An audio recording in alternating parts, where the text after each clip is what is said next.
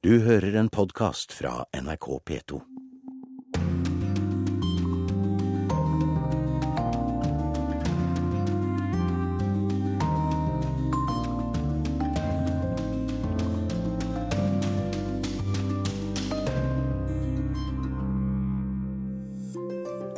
Afrikas største demokrati vakler i kampen mot Boko Haram. Nå svelger Nigeria stoltheten og ber naboene om hjelp. Å skrive ny grunnlov for Zimbabwe er ingen spøk, når den som gir deg jobben, er den samme som stikker kjepper i hjulene. Well, you get used to the ill treatment. I've been uh, uh, imprisoned, arrested 34 times. Taiwans store popstjerne fant ut at hans romantiske drøm lå i en landsby i Yorkshire, til landsbyens store overraskelse. Og vi skal gjøre som fintfolk har gjort i 200 år. Vi skal gå på operaball i Wien. One time in your life you have to go and to see the open bar. This is the dream from all girls. Dette er Urix på lørdag. Alle hjerter gleder seg til en time i selskap med utenriksredaksjonen i NRK. Jeg heter Tore Moland.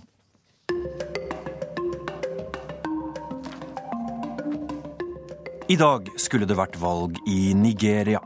Men valget ble utsatt i halvannen måned, og dermed er det ingen nyhet likevel. Eller? Urix på lørdag gir seg selvsagt ikke så lett. Vi skal forsøke å snuse litt nærmere på saken. For Afrikas største demokrati og største økonomi vakler nå i møte med det brutale opprøret til Boko Haram. Korrespondent Kristine Presttun, du skulle vært og dekket dette valget. Hvordan vil du beskrive situasjonen Nigeria nå står oppe i i stedet? I dag skulle det jo vært en høytidsdag i Nigeria. Veiene skulle vært stengt for all trafikk.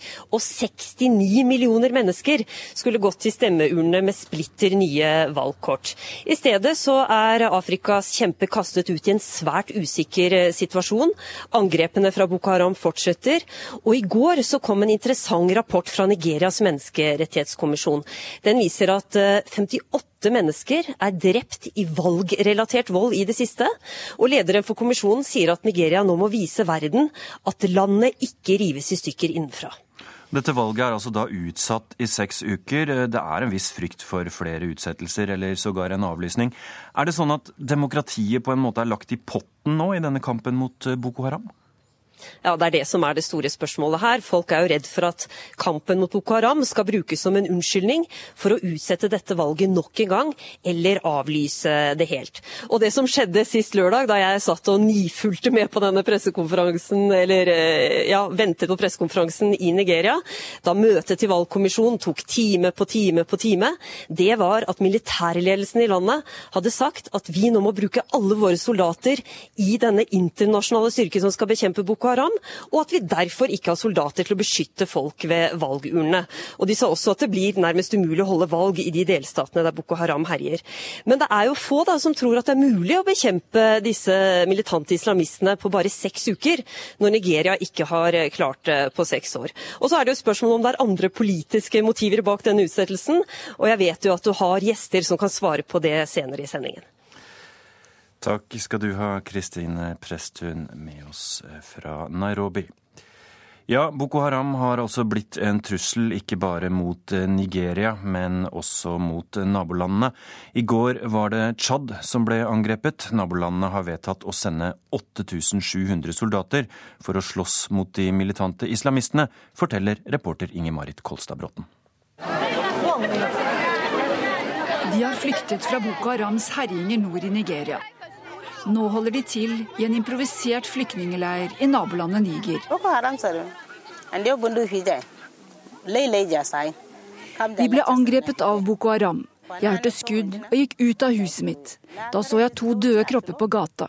Jeg tok babyen min og løp, forteller en kvinne til nyhetsbyrået Reuters. Hun sitter i skyggen i sitt midlertidige hus bygget av leire og plast. Verdens matvareprogram deler ut mais til flyktningene. Rundt 150 000 mennesker har flyktet til dette karrige grenseområdet, ifølge lokale myndigheter. Situasjonen for mange er svært vanskelig. Antonio Aveia i Verdens matvareprogram er svært bekymret for den humanitære situasjonen i området. Annenhver flyktning som kommer over grensa, har problemer med å få tak i nok mat. Hvert tredje barn er underernært.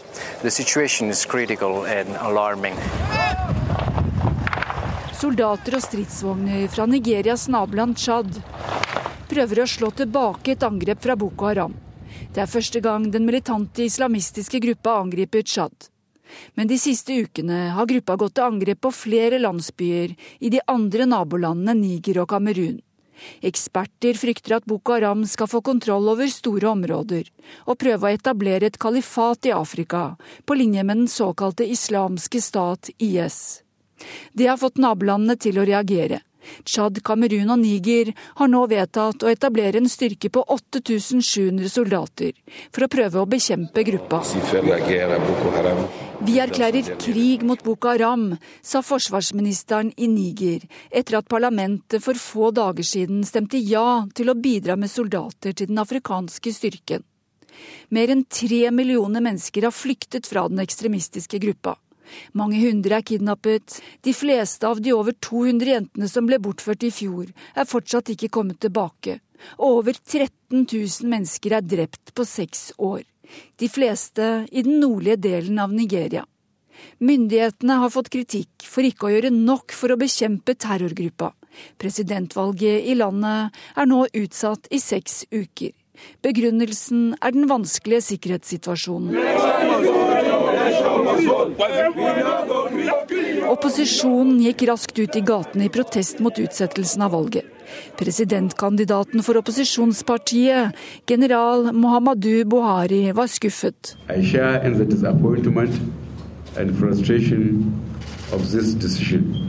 Kritikerne mener presidentens parti har presset valgkommisjonen til å utsette valget, fordi han ville tape hvis det var valg nå og den nigerianske analytikeren Onyebuchi Ememanka mener utsettelsen vil skade Nigerias internasjonale rykte.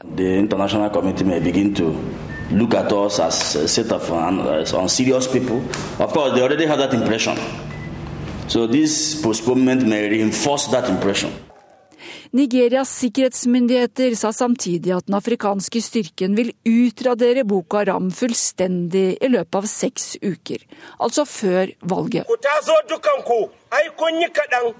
Dere klarer ikke å slå oss, dere vil tape, dere har ingenting å stille opp mot Allah, sa Abubakar Shekau, som skal være Boko Harams leder, i et videoopptak kort tid etter. President Goodluck Jonathan beklaget at valget ble utsatt, og avviste samtidig beskyldningene om at han hadde påvirket valgkommisjonen. Utsettelsen fører til mer problemer for oss politikere, med flere møter, mer usikkerhet og flere søvnløse netter, sa presidenten. Henrik Angerbrandt, forsker ved Nordiska Afrika-instituttet i Uppsala. Er det så enkelt som at dette valget er utsatt for å redde et vaklende regime? Eh, mye tyder på at det finnes politiske interesser som eh, ligger bakom eh, denne forskjutningen av tidspunktet når valget eier rom.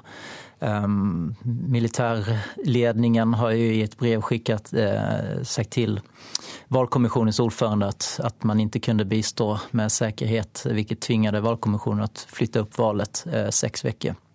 Och eh, vad man kan misstänka då är att eh, regeringspartiet eh, har, har eh, framfört ja, att det här brevet ska skickas. Og det er altså sikkerhetssituasjonen som er eh, bakteppet og unnskyldningen, eh, hvis vi skal kalle det det, midt oppi dette blodige islamistiske opprøret fra Boko Haram i nord.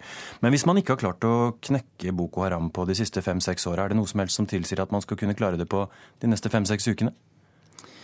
Det er vel veldig svårt å tro at man skal kunne knekke dem. Eh, det man skulle kunne oppnå, er jo at nå når en regional styrke med de grannlandene Eh, har kommit igång så skulle situationen möjligtvis kunna stabiliseras eh, något. Eh, men det är ju en långsiktig situation som kommer pågå under en överskådlig framtid. Siri Aas Rustad, forsker ved PRIO, fredsforskningsinstituttet her i Oslo. Eh, det sies 13 000-18 000 mennesker drept, 1 million, 1,5 million på flukt.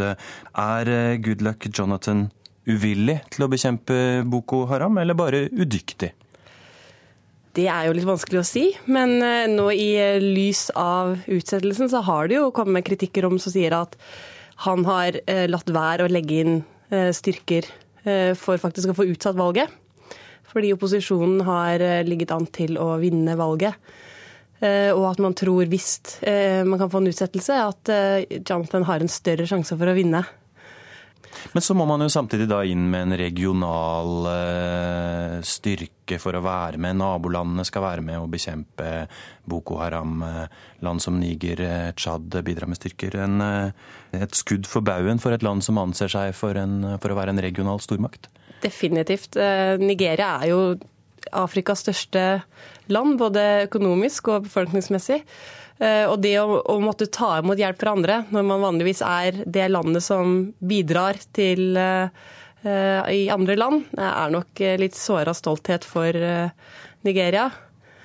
Men å tro at de klarer å rydde opp i løpet av de neste seks ukene, er vel urealistisk.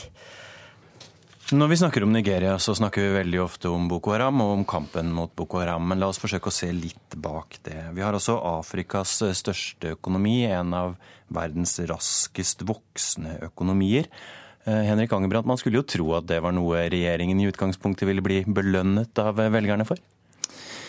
Ja, eh, men det, samtidigt är det så att man har haft goda förutsättningar nu. Man har haft en växande ekonomi på kanskje 7% tillväxt under tio års tid. Eh, och stigande oljepris fram till för kort tid sedan. Samtidigt så har skillnaden inom landet ökat under Goodluck Jonathans eh, period som president och även har han misslyckats i stor utsträckning att bekämpa fattigdomen. 70 procent av befolkningen eh, lever i fattigdom. Så att den här tillväxten och har kommit väldigt liten del av befolkningen till del och koncentrerat till vissa regioner och städer i stor utsträckning och vissa delar av ekonomin också. Ja, vad med korruption? Korruptionen är ju omfattende. omfattande. Ehm, en, en rapport som kom ut för här i høstas viser at på tio års tid från 2002 så, så hadde 142 miljarder dollar førts ut ur landet illegalt, vilket då är enorma summor, vilket också gör att visar på de intressen som finns eh, på spel innom inom politiken, inte minst. Eh, vissa menar att den faktiskt har ökat under, under Jonathans styre, men det är väldigt svårt att säga någonting om förstås. Og opposisjonskandidaten her er en eh, gammel general som har eh, vært ved makta før, nærmest i, i, rollen som diktator. Men samtidig har han en, en viss kredibilitet i rollen som korrupsjonsbekjemper. Føler nigerianere at de har et valg mellom to onder her? Det er nok veldig klare skiller i befolkningen hvem, som, hvem de støtter. Eh, basert på en del eh, etniske skillelinjer og, og geografiske. Eh, Dra hovedlinjene for oss. Er det først og fremst sånn i Nigeria at man tradisjonelt skal presidenten komme annenhver gang fra nord og sør. Goodluck er jo fra sør, og han overtok etter Yaradua, som døde i 2010. Eh, og det at han nå stiller igjen til gjenvalg, utfordrer akkurat denne tradisjonelle sedvaneretten. At eh, presidenten skal helst gå til nord. Eh, det er én ting. Noe annet er at spesielt den regionen som ligger i sør-vest i Nigeria, føler seg forbigått av Jonathan. De har ikke fått noen viktige posisjoner i hans regjering. Eh, mens eh, Buhari, opposisjonskandidaten, nå har en visepresidentkandidat som kommer fra denne regionen. I tillegg til at han er kristen, som demmer opp eh, for det mange kristne i sør frykter for at han har en muslimsk agenda. Så han har da klart å sikre seg en del delstatsstemmer. Som han ikke klarte å få i 2011, når han også stilte til valg mot eh, Jonathan. Og så leser jeg at dette gjennomgående blir kalt det viktigste valget siden militærstyret i Nigeria ble avviklet i 1999. Det er nærmest en eh, opplest og vedtatt sannhet. Hvorfor er det sånn? Det er første gangen siden 1999 at opposisjonen har en reell mulighet til å kunne ta makten fra regjeringspartiet. Som strengt tatt har fungert som altså Nigeria har fungert som ettpartistat da, siden 1999. Hvor det strengt tatt har vært PDP, altså regjeringspartiet sin kandidat, som har vunnet valget. Mens nå har, har hele opposisjonen klart å samle seg bak én kandidat, mot uh, eksperters uh, uh, tvil. Um, så klarte de å finne både en kandidat og en visepresidentkandidat som alle kunne samle seg om. Så det her er jo for mange en, en mulighet for et politisk skifte, da, som kanskje ikke har vært til stede før. Tida løper fort for oss her, men Henrik Angerbrandt, har Nigeria noensinne egentlig hatt et fritt og rettferdig demokratisk valg? Nej, eh, valen i Nigeria är ju eh, ökända för att eh, vara präglade av fusk och oegentligheter. Är det någon grund för att det skulle den, bli annorledes denna gången? Den, den sämsta var 2007 och sen så förbättrades 2011. Och nu har man då förhoppningar, också det som gör det här valet viktigt, att eh, om man kan fortsätta den här förbättringstrenden som, som påbörjades 2011 så skulle det også gi hopp om at eh, det faktisk finnes en eh, reell sjanse at eh, velge sine ledere. Og valget er altså ikke i dag, men om seks uker.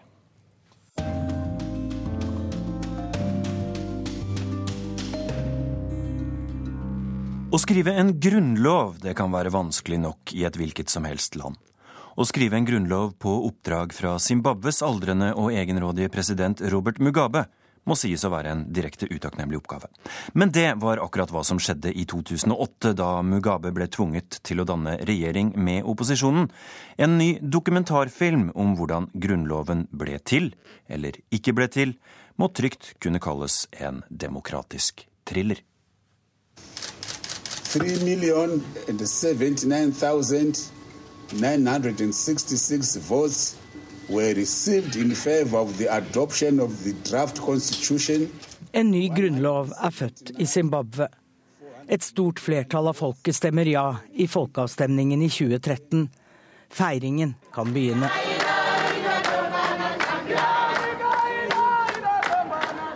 Men det var en trang fødsel. To advokater, den ene fra Mugabes regjeringsparti Tsanu PF, den andre fra det største opposisjonspartiet MDCT. De to får i oppdrag å reise landet rundt for å få innspill til Grunnloven. I tre år blir de fulgt av et filmteam. Dokumentaren 'Democrats', som vises i Oslo i helgen, viser hvordan de blir motarbeidet i Mugabes Zimbabwe. Og feiringen kommer for tidlig. For ennå er ikke Grunnloven satt ut i livet, forteller Douglas Monsora fra partiet som ledes av Mugabes hovedmotstander Morgan Svangirai.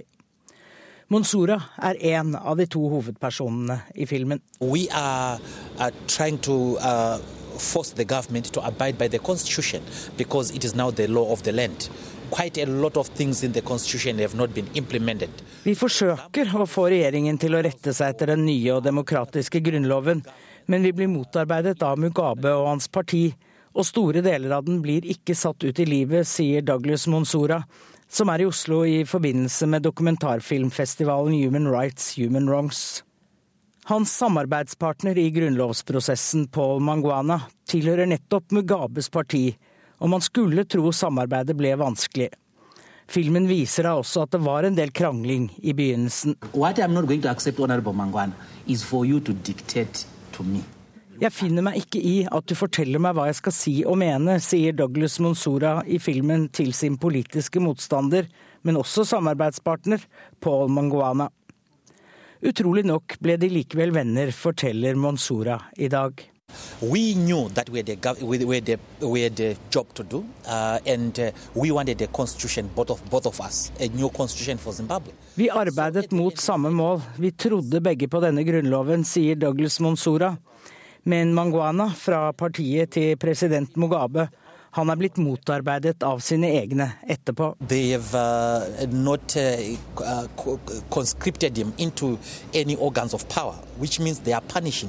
De har ikke gitt ham noen maktposisjoner. Slik straffer partiet ham, sier Douglas Monsora, som altså tilhører opposisjonen. Og er du opposisjonspolitiker, Da blir du arrestert i tide og utide. Well, you get used to the ill treatment. I've been uh, uh, imprisoned, arrested 34 times, and that is abnormal. 34 ganger har Monsora blitt arrestert, frikjent hver gang. Det er irriterende, men du blir vant til det, sier han. Robert Mugabe, den populære frigjøringshelten som har styrt Zimbabwe siden landet ble fritt, han blir 91 år gammel nå i februar. Men gi seg som president? Overhodet ikke. Han uh, dementia, uh, and even physical infirmity. And uh, this is uh, clearly, clearly a sign that. Han er skrøpelig og viser tegn til demens. Dette kan ikke gå stort lenger, mener opposisjonspolitikeren Douglas Monsora. But his uh, wife, Grace, she's starting to rise in the party. What do you think about that? Well, that is the hallmark of dictatorship, isn't it? Uh, we saw it uh, elsewhere in history. Uh, we saw it in the Philippines. Emil Damakos became very, very, very influential. We saw it in Romania, Ceausescu's wife. Men hva med den langt yngre konen hans, Grace, spør jeg. For hun er på vei oppover i regjeringspartiet. Slik er jo diktaturets natur, sier Monsora. Tenk på Imelda Marcos og Elena Ceaucescu. Diktatoren stoler ikke på noen, og dermed tyr han til familien.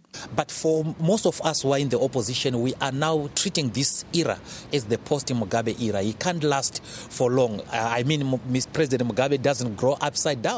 Opposisjonen i Zimbabwe tenker allerede på tiden etter Mugabe. Han er bare et menneske og kan ikke vare evig, sier Douglas Monsora. Monsora tilhører altså det største opposisjonspartiet, MDCT, og han innrømmer at opposisjonen trenger å samordne seg bedre. Men som alle andre har han en drøm. Yes, one day God will answer to the prayers of the people of Zimbabwe and we will be free. Douglas Monsora med sin drøm. Det var Anette Groth som hadde møtt ham.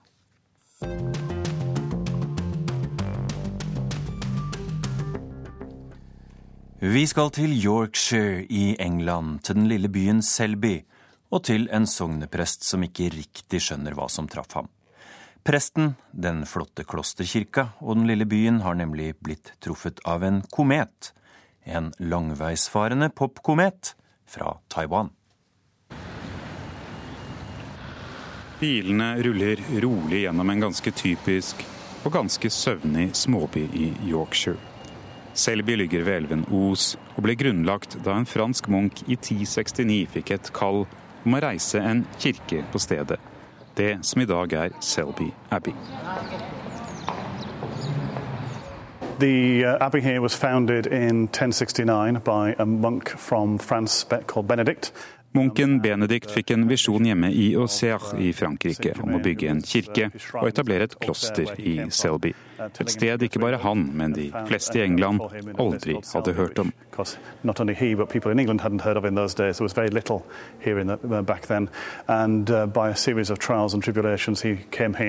Foruten den praktfulle høyreiste klosterkirken har Selby skoler, et lokalt sykehus og ligger nær en gruve som fremdeles er i drift. Få andre enn byens egne 13 000 innbyggere har noensinne lagt merke til hva som skjer i Selby. Det var inntil denne mannen gjorde sin entré.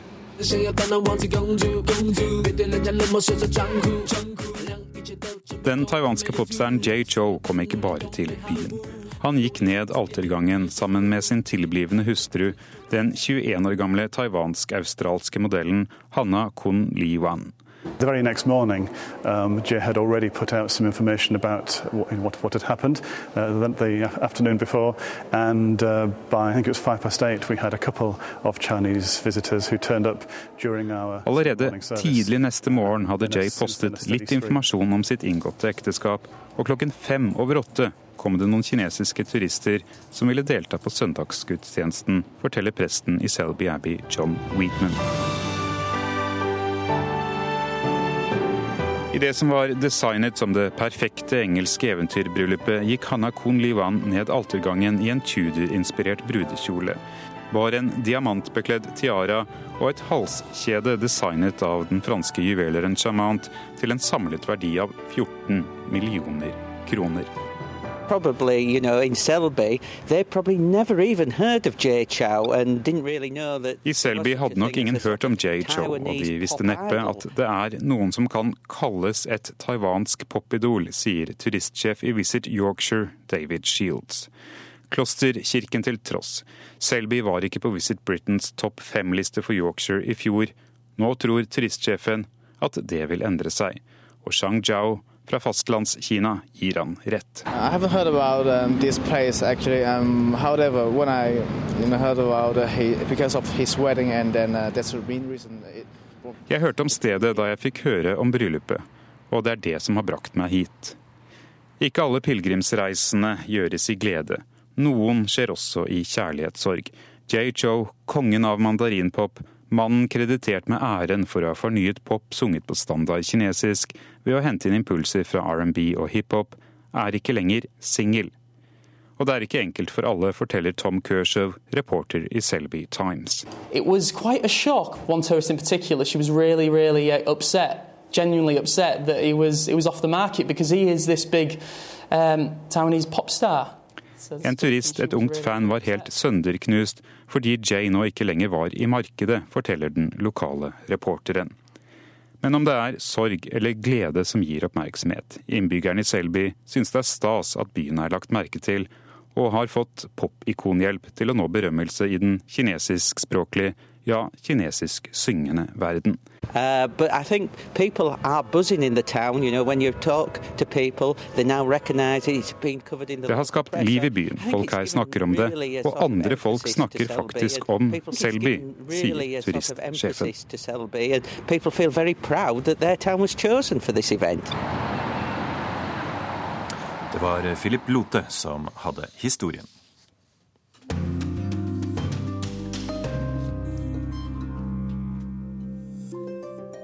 Klokka er 11.30. Du lytter til Urix på lørdag. Europa rundt har de reist både forrige uke og denne, de nye greske lederne fra venstrepartiet Syriza. De krever en ny gjeldsavtale for Hellas, men noe særlig gjennomslag i EU det har de ikke fått ennå. Men rundt omkring i Europa ser nå det ene venstrepartiet etter det andre til Hellas sitt nye regjeringsparti for inspirasjon og støtte. Og siste parti ut er noe overraskende det irske nasjonalistpartiet Sinn Fein. We hope that we create a better understanding of Sinn Fein and where we're coming from, uh, of issues that are affecting Ireland at the moment. Det er kveldsmøte i møterom Wilson i det britiske parlamentets moderne tilbygg Portcullis House. Det er partiet som lar seg velge, men nekter å ta opp plassene sine i parlamentet fordi de ikke anerkjenner det, Sinn Fein, som møter velgere fra de irske miljøene i London. Med seg har de også en gjest, Statis Kovelakis fra det greske venstreradikale partiet Syriza. Et parti som også inspirerer Sinn Fein. Sinn Fein, som stadig jobber for et forent Irland, har regjeringsambisjoner i den irske republikken. Og de har Syriza som modell, forteller partiveteran og parlamentsmedlem fra Nord-Irland, Conor Murphy.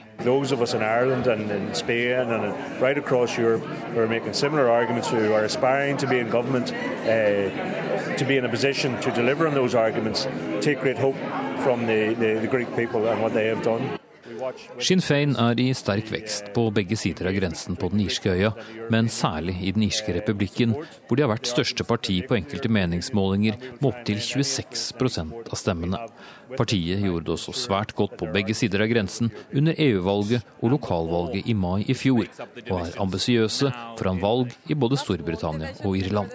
Unfortunately, there's many divisions in the north. Um, there's divisions amongst nationalists um, and, and unionists. 25 år gamle Catherine Seeley er kandidat foran det britiske valget i mai. Og hun mener at Sinn Fein gjennom å lansere seg som et parti som protesterer mot offentlige innsparinger, også kan hente stemmer hos protestantiske unionister. Well, I think the working class unionist has been let down by the, the unionist parties that have took power in the north over the last number of years. So I don't think they'll care who represents them if it means that their life is a better one and, and one that they deserve because we all deserve a good life. At republikken Irland har vært gjennom en økonomisk hestekur av de sjeldne de siste årene, er det liten tvil om. Presset fra Det internasjonale pengefondet og Den europeiske sentralbanken om kutt i offentlige budsjetter har vært beinhardt. Men landet har møtt det, men ikke uten konsekvenser. Mange har mye mindre å rutte med nå enn før. Nordirene har fått merke det samme gjennom den britiske regjeringens kutt i bl.a. velferdsbudsjetter. Og slikt gir stemmer til venstreorienterte partier som Sinn Fein. Og Syrysas Statis Kovelakis liker dette. Han eh, håper å se flere europeiske land danne regjeringer som hans egen, som nekter å la folket ta støyten for den feilslåtte økonomiske politikken og de finansielle investeringene.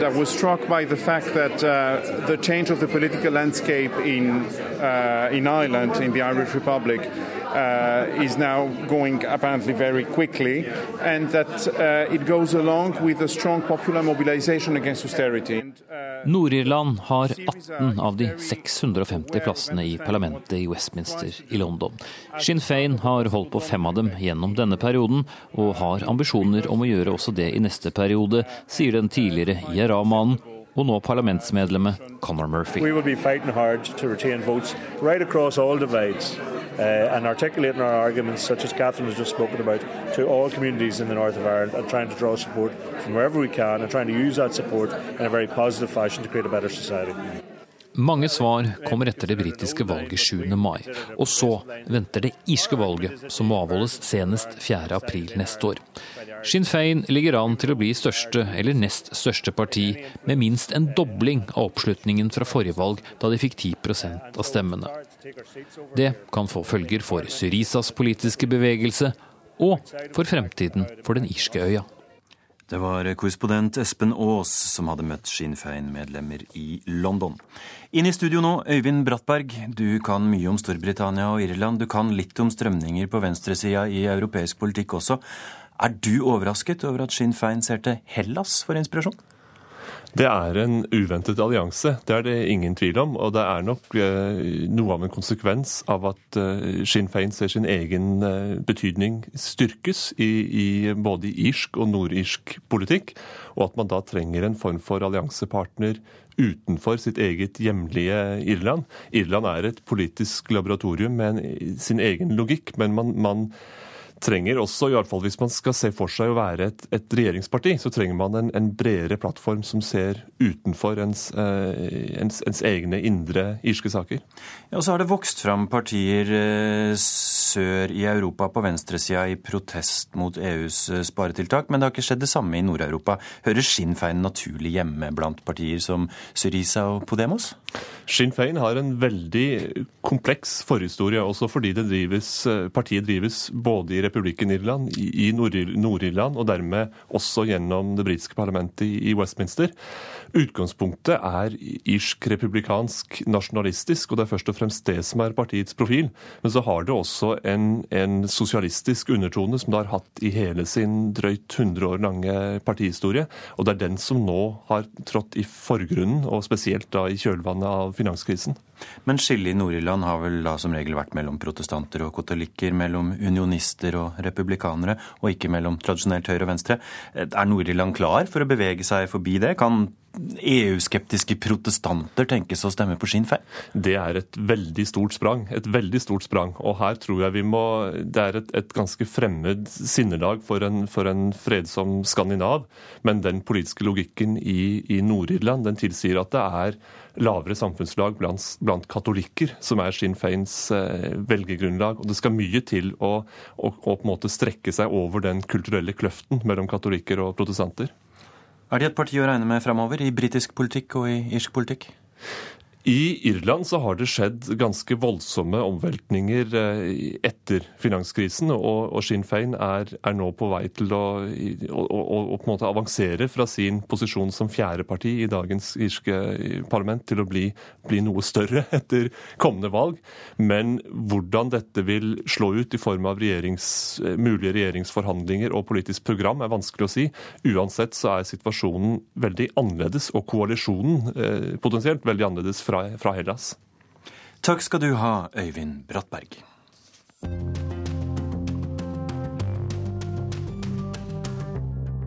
Vi holder oss til venstre når vi nå gjør den lange turen over Atlanterhavet. Det fins nemlig én delstat i USA som skiller seg litt fra de andre 49.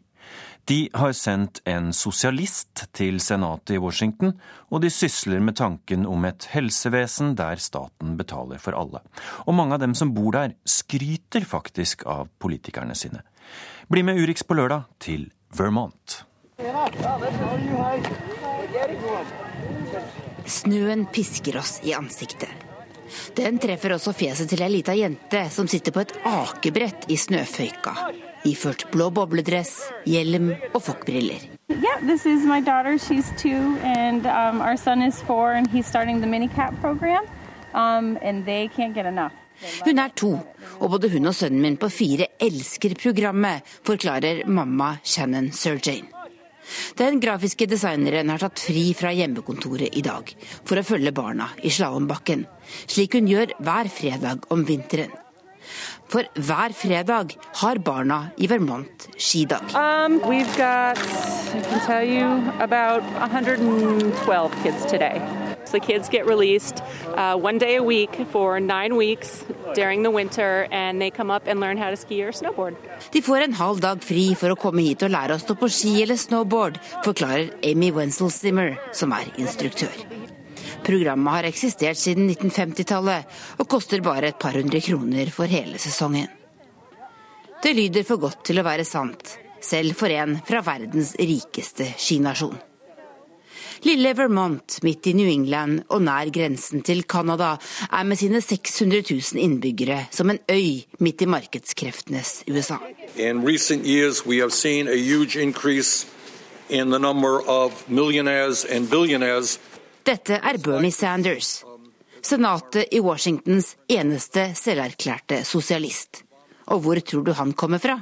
In terms of income, 95% of new income generated in this country in the last year went to the top 1%. Bernie, som alle vermontere er på fornavn med, vil stille som presidentkandidat til neste år. Bare for å sørge for at Hillary Clinton, eller hvem de andre kandidatene måtte bli, ikke glemmer progressive saker. For Vermont er et sentrum for det progressive USA, og tiltrekker seg dem som tenker annerledes. Her er store dagligvarekjeder uglesett. Folk handler heller av hverandre og betaler litt mer. Oliver Lewis viser oss hønene sine. På det innovative småbruket sitt driver han med egg, grønnsaker og brødbaking. People prepay for a whole season of vegetables, and they come every week and pick up Hit kommer unge mennesker fra hele USA for å jobbe frivillig og lære økologisk landbruk. Oliver tilbrakte selv barndommen her, og kom tilbake etter noen år i New York. Han elsker livet i Vermont, inkludert politikerne her. I think that Vermont represents sort of the best of America as far as liberal politics. I think that uh, our representatives are pretty awesome, which is something that probably most uh, people can't say about their elected leaders, right? I den hvite kapitolbygningen i USAs minste delstatshovedstad med knappe 8000 innbyggere er det knapt en sikkerhetsvakt å se.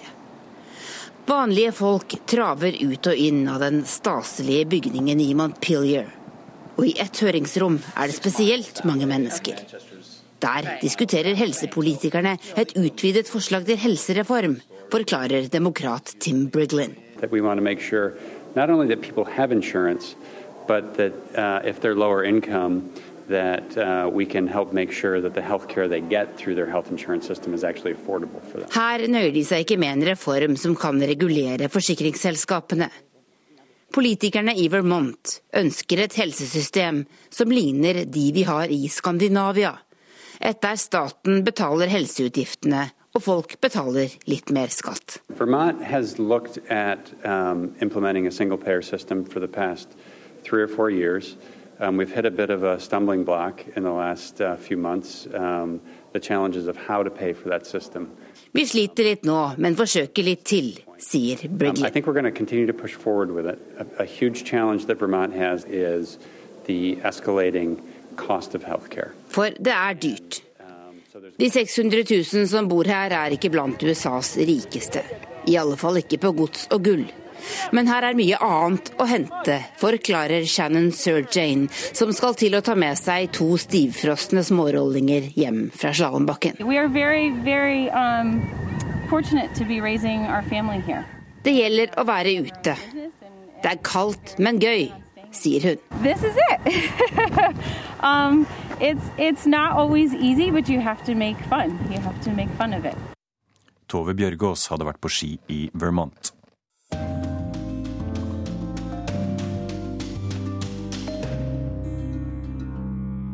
Men nå, nå blir det fest med Fiffen. Vi skal rett og slett på ball. Datoen har vært blinka i sosietetskalenderen i ett år. Stedet er det mest berømte ballrommet i verden. Og tradisjonen, den er 200 år gammel i år. Like gammel som det moderne Europa på mange måter. Vi skal selvfølgelig til Wien, til Wiener Statsoper. Og vår guide til sentraleuropeisk pomp og prakt er Roy Freddy Andersen.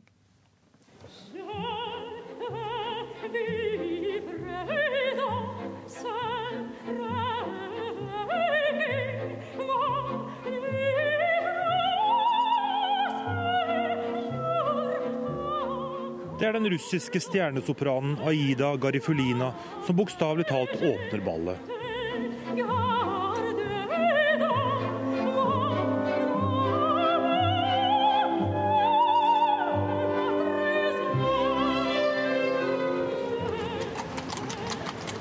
En av verdens mest påkostere og glamorøse fester er i gang. Det er torsdag kveld, og 5000 stivpyntere mennesker er på vei inn dørene her ved Statsoperaen i Wien. Foran meg, ved hovedinngangen, ruller hestekareer og limousiner inn. Ved den røde løperen blinker blitsene og de kritthvite tanngardene.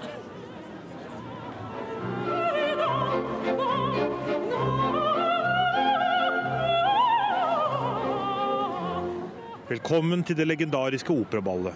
Her er den økonomiske, politiske og kulturelle eliten i Østerrike samlet, alle som betyr noe. Eller som drømmer om eller strever etter det.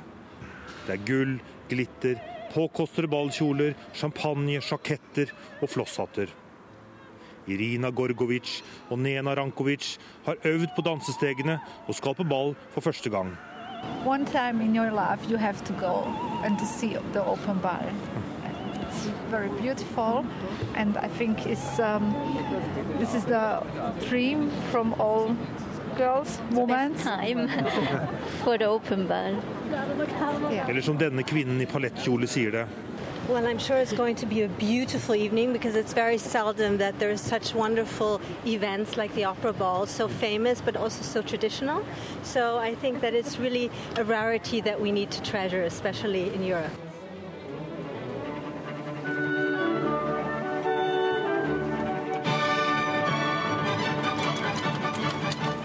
Det hele er på flere måter en reise tilbake til en annen tid. For under den blankpussede og glatte fasaden finner vi dype historiske røtter. Og kanskje en lengsel etter en annen tid, til da Østerrike var en av de helt store verdensmaktene.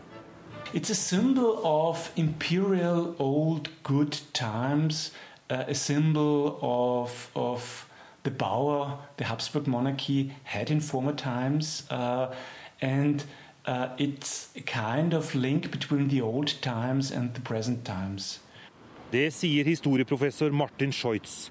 Han tar oss med 200 år tilbake i tid, til 1815. Napoleon og Frankrike er nedkjempet, og mens krigsstøvet legger seg over Europa, samles konger, ministre og diplomater i Wien, i keiserens by, i Habsburgs monarkiets høyborg, for å tegne et nytt europakart.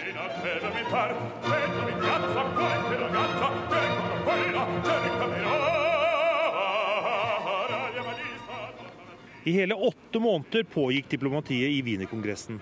Men delegasjonene trengte pustepauser. Aristokratiet likte ikke å kjede seg, de trengte fest og moro. Og dermed ble balltradisjonen født. And uh, uh, but it was necessary in order to bring some oil into uh, this um, machinery of debating.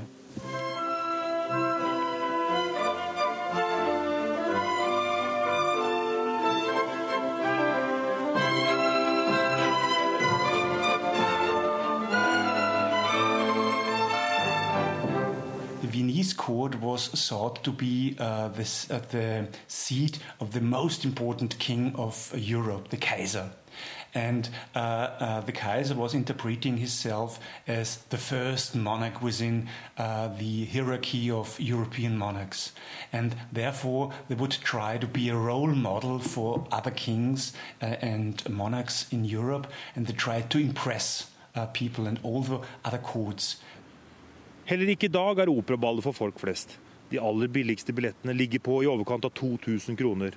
Andre punger ut med opp mot en halv million kroner for en losje, slik at man virkelig syns på TV i den mange timer lange direktesendingen på ORF. Andre skuer det hele fra avstand, fra den andre siden av veien. This is some kind of society we don't want to belong to. we want to stay a part of it. Yes, uh, yeah, watching is enough. Yeah, and but we don't want to participate We're here. Yeah? watching. Yeah. Inne går de rike og velstående i polonese. De skal danse og feste til klokken fem-seks i natt. Et par kvartaler unna sitter tiggerne og gatemusikantene, de som aldri kommer seg på operaball.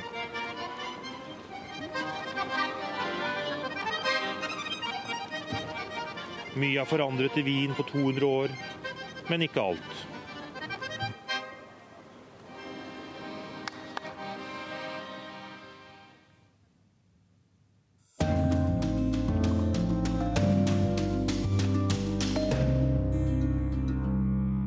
Ukas korrespondentbrev er også europeisk og plassert i en brutal nåtid. Vi skal til Paris en onsdag i januar. På et gatehjørne møter vi en nokså oppjaget europakorrespondent Åse Marit Befring. Det var 15 minutter til sending. Nå sto jeg ved en politisperring og forsøkte å overtale politimannen til å slippe meg igjennom. Direktepunktet jeg etter mye om og men hadde fått adressen til, lå på den andre enden av den langstrakte gata. Politimannen så desperasjonen i øynene mine og lot meg passere. Men et par hundre meter lenger ned i veien løp jeg på en ny politisperring, og denne gangen nyttet det ikke å be om forståelse. Politimannen hadde viktigere oppgaver enn å ta hensyn til en reporter som måtte på den andre siden for å bli med direkte i Dagsrevyen. Ti minutter til sending. Denne onsdagen 7. januar hadde begynt som en helt vanlig dag. Jeg hadde stampet i kø inn til kontoret i Brussel, funnet en korttidsparkering i en sidegate og logget meg på.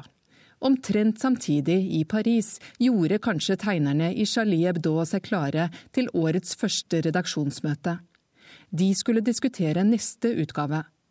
Jeg satt i en samtale med redaksjonslederen i Oslo da de første hastemeldingene begynte å tikke inn. Ti personer drept i skyting, ifølge øyenvitner. En time senere satt jeg på hurtigtoget på vei til Paris. Det var en hovedstad i unntakstilstand jeg kom til.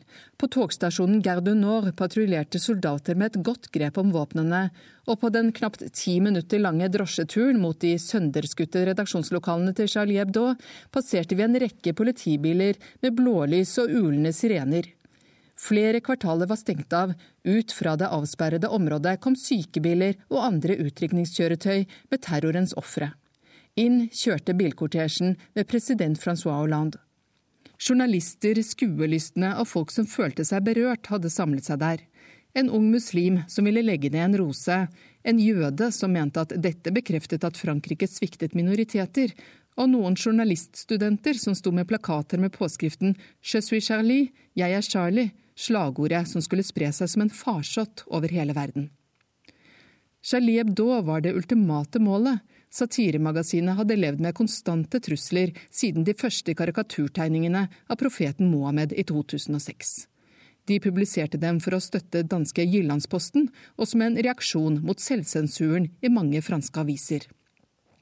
En brannbombe ble kastet inn i redaksjonslokalene for tre år siden, men i stedet for å kneble, trigget den Charlie Hebdo-redaksjonen til å trykke enda flere tegninger mot ekstremisme. For å fortelle at vold ikke ville få dem til å legge ned blyanten, deres våpen. Satiremagasinet var beryktet lenge før islamister ble en trussel. Tegningene var grenseløse i sin harselering med både politikere og religioner. Forløperen til magasinet ble stanset flere ganger på 1960- og 70-tallet etter det som ble sett på som overtramp. På begynnelsen av 1980-tallet forsvant det helt, for så å gjenoppstå ti år senere. Fortsatt kontroversielt. De siste årene hadde både redaktøren og et par av journalistene hatt politibeskyttelse. Likevel ble anslaget mot Charlie Hebdo den 7. januar første gang jihadistene lyktes i sin drepende kamp mot karikaturtegnere, journalister og redaksjoner. Men politimannen ville altså ikke slippe meg gjennom sperringene, slik at jeg kunne komme til direktepunktet noen meter borti gata. Jeg løp tilbake og kastet meg i en drosje. Sjåføren måtte slippe meg av et godt stykke unna. Ny løpetur. Jeg ringte desken for å fortelle at jeg kanskje ikke rakk det. Fem minutter igjen til sending. Ingen er forberedt på et terroranslag. Det er terrorens sterkeste våpen. Overraskelse, panikk, kaos og frykt.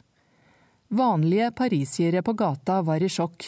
Hvor ville terroristene slå til neste gang? De skulle snart få svar. Morgenen etter var hovedsaken i alle nyhetssendingene at en politikvinne var skutt i Paris. Hva var dette? Hadde det noe med de tolv drapene å gjøre? Enda et døgn gikk før vi fikk vite noe. Det begynte med en politijakt.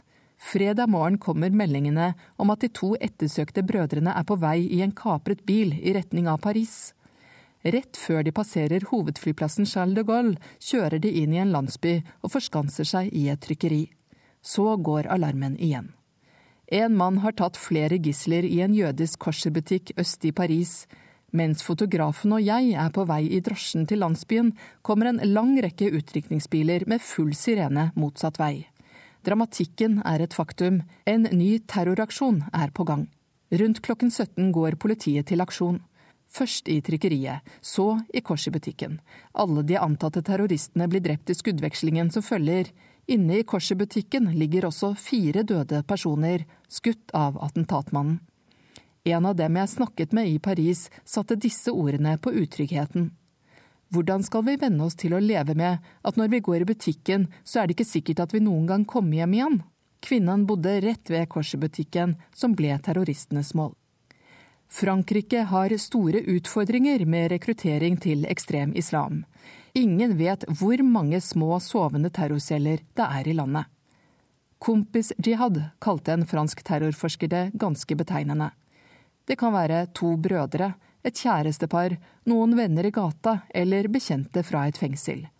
De er vanskelige å oppdage og har liten eller ingen kommunikasjon utad. Selv om Frankrike har satt store ressurser inn på etterretning og overvåking, klarer de ikke å følge med på alle til enhver tid. Ingen europeiske land har rekruttert flere til den såkalte islamske stat, IS, enn Frankrike, og fremmedkrigere utgjør en potensiell fare. Men etter folketallet er det fra lille Belgia flest har reist for å kjempe på jihadistenes side. Belgia hevet trusselnivået én uke etter terrorhandlingene i Paris. Det var kaotiske tilstander da politiet kalte sammen til pressekonferanse. Kvelden og natten før var 13 antatte jihadister pågrepet og to drept i en av de største antiterroroperasjonene i landet. De var mistenkt for å planlegge å drepe politifolk på åpen gate. Vi som bor her i landet har blitt bedt om å være både oppmerksomme og varsomme, og nervøsiteten er til å ta og føle på. En melding om en mistenkelig pakke fikk politiet til å evakuere en togstasjon her om dagen, og EU-parlamentet ble stengt etter at en mann i kamuflasjeklær ble pågrepet like utenfor bygningen. Bilen hans var parkert rett ved, og i den fant politiet både et våpen og motorsag, heter det. Selv følte jeg meg som en sikkerhetsrisiko da jeg forsøkte å få min vanlige akkreditering til EUs toppmøte for to dager siden. Et eh, møte stats- og regjeringssjefene hadde kalt sammen til for nettopp å vedta en plan om bedre terrorberedskap i Europa. Men Norge er jo ikke med i EU, og dermed ble det plutselig vanskeligere å slippe inn. Innstramminger grunnet høynet beredskap var forklaringen jeg fikk, To avslag senere, og med bistand fra den norske ambassaden, slapp jeg til slutt gjennom nåløyet. Eller for å være mer presis, jeg slapp inn bak alle politisperringene, piggtrådene, betongblokkene og politibilene med blinkende blålys som passet på at ingen terrorister angrep stats- og regjeringssjefene fra de 28 EU-landene der inne. Nå ble mye av møtet brukt på fredsinitiativet i Ukraina, men de bestemte seg også for bedre grensekontroll og var åpne for å se på om utveksling av passasjeropplysninger likevel kan være stuerent. Til nå har det vært omstridt blant de folkevalgte i EU grunnet personvernet. Her i Belgia, som i Frankrike, har myndighetene annonsert flere antiterrortiltak etter de dramatiske hendelsene i januar. Annet vil de inndra pass, frata statsborgerskap og kriminalisere det å reise ut for å kjempe. Belgia, også som Frankrike, har lenge slått hardt ned på dem som rekrutterer folk til kamper. Onsdag denne uka ble 45 av dem dømt til fengsel i den største rettssaken av sitt slag her i landet. Ifølge dommen tilhører de en terrorgruppe som sender fremmedkrigere til militante grupper som IS. Ganske illustrerende var bare sju til stede i rettssalen. Resten befinner seg trolig i Syria. De ble likevel dømt til mellom tre og tolv års fengsel. Men også fengselsstraff er en utfordring, for stopper det radikaliseringen? Mye tyder på det motsatte. For mange år siden satt en ung mann i fengsel sør i Frankrike. Der møtte han en som var 17 år eldre, og som fortalte at han hadde blitt torturert i Afghanistan av vestlig etterretning. Den eldre mannen gjorde sterkt inntrykk på ham. Han beveget også en annen innsatt. Den eldre hadde blitt dømt for planer om å sprenge den amerikanske ambassaden i Paris. Han var en overbevist jihadist. De to yngre var sheriff Kouachi og Amedi Kolibali, den ene skjøt og drepte tolv personer den 7. januar sammen med broren sin. Den andre drepte fem personer de to etterfølgende dagene. Klokka nærmer seg 19 onsdag 7. januar. Dagsrevyen skal snart på lufta, med nød og neppe rakk jeg frem. Jeg visste ikke på dette tidspunktet hvem gjerningsmennene var, ei heller at det bare var starten på flere dramatiske dager. Urix på lørdag nærmer seg slutten. Verden venter nå på våpenhvilen øst i Ukraina, forhandla fram tidligere denne uka. Den skal etter planen tre i kraft ved midnatt i kveld. Det har vært intense kamper det siste døgnet. Ukrainas president Porosjenko sier våpenhvileavtalen allerede er i stor fare. Fra Nigeria meldes det at hundrevis av islamister fra Boko Haram i formiddag har gått til angrep på byen Gombe.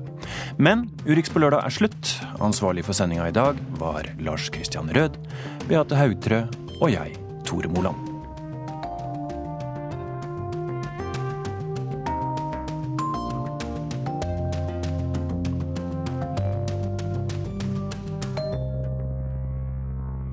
Du har hørt en podkast fra NRK P2.